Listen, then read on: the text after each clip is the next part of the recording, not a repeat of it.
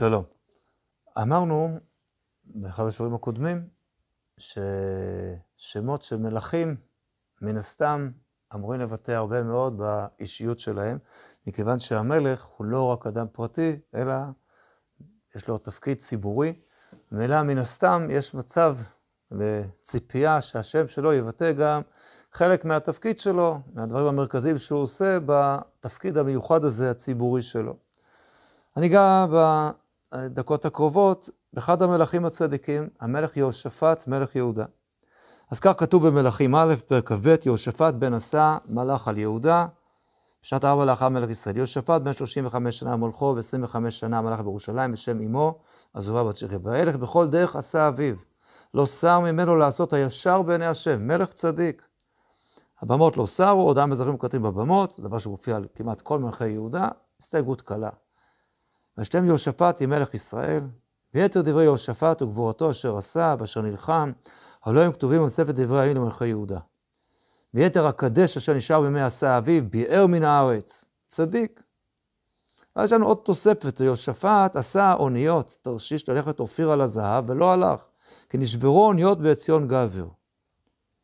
אז אמר חזיהו בן אחאב אל יהושפט, יכו עבדי עם עבדיך באוניות, ולא אהבה יהושפט, וישכב יהושפט עם אבותיו.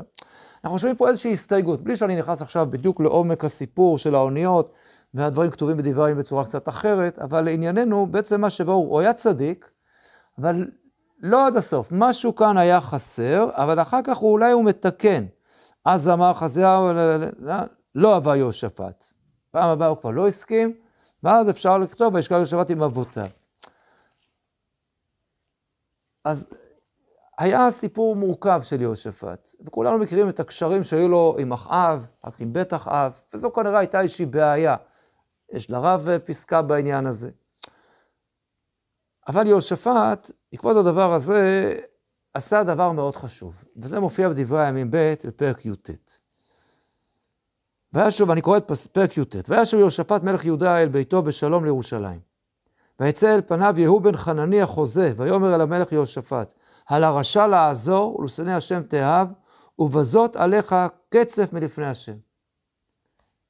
זה לא היה בסדר, אתה השתתפת פה עם הרשעים, אבל דברים טובים נמצאו ממך, כי ביארת העשרות מן הארץ, והכינות לבבך לדרוש האלוקים.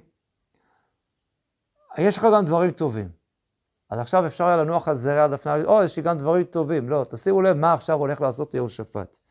וישב יהושפט בירושלים, וישוב ויצא בעם מבאר שבע עד הר אפרים, וישיבם אל השם אלוקי אבותיהם, מחזיר את כולם בתשובה. אבל מה הוא עושה בעיקר? ויאמת שופטים בארץ. שימו לב עכשיו למש... לשורש הזה, ויאמת שופטים בארץ. בכל ערי יהודה ובצורות לעיר ועיר. ויאמר אל השופטים, ראו מה אתם עושים, כי לא לאדם תשפטו, כי להשם, ועמכם בדבר משפט. כמה מודגש פה הסיפור הזה. ועתה יהי פחד השם עליכם, שמרו ועשו, כי אין עם השם אלוקינו עוולה ומשוא פנים ומכך שוחד. וגם בירושלים העמיד יהושפט מן הלוויים והכהנים ומראשי אבות לישראל למשפט השם ולריב וישוב ירושלים. הוא מעמיד מחדש את מערכת המשפט. מערכת המשפט, הכוונה כמובן משפט התורה. ובזה הוא הולך לתקן את האווירה הרוחנית שנפגמה מהקישור שלו עם הרשעים. המשפט, המשפט, המשפט, שימו לב כמה זה ממשיך הלאה. ויצב עליהם לאמור, כה תעשון ביראת השם, באמונה ובלבב שלם. וכל ריב אשר יבוא עליכם מאחיכם היושבים בעריהם, בין דם לדם ובין תורה למצווה, כל זה כמובן מזכיר לנו את מה שנאמר. קצת שופטים, ולהם אחד דבר בין דין לדין, בין דם לדם, בין נגע לנגע.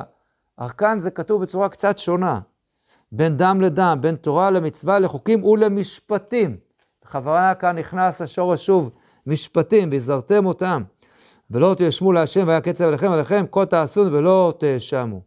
אז יהושפט מעמיד את מערכת המשפט, ולכן הוא נקרא יהושפט.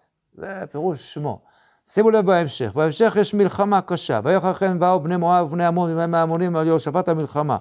מלחמה קשה שמאוד מלחיצה את יהושפט. ויעמוד יהושפט בקהל יהודה וירושלים בבית השם לפני החצר החדשה, ותראו מה הוא אומר.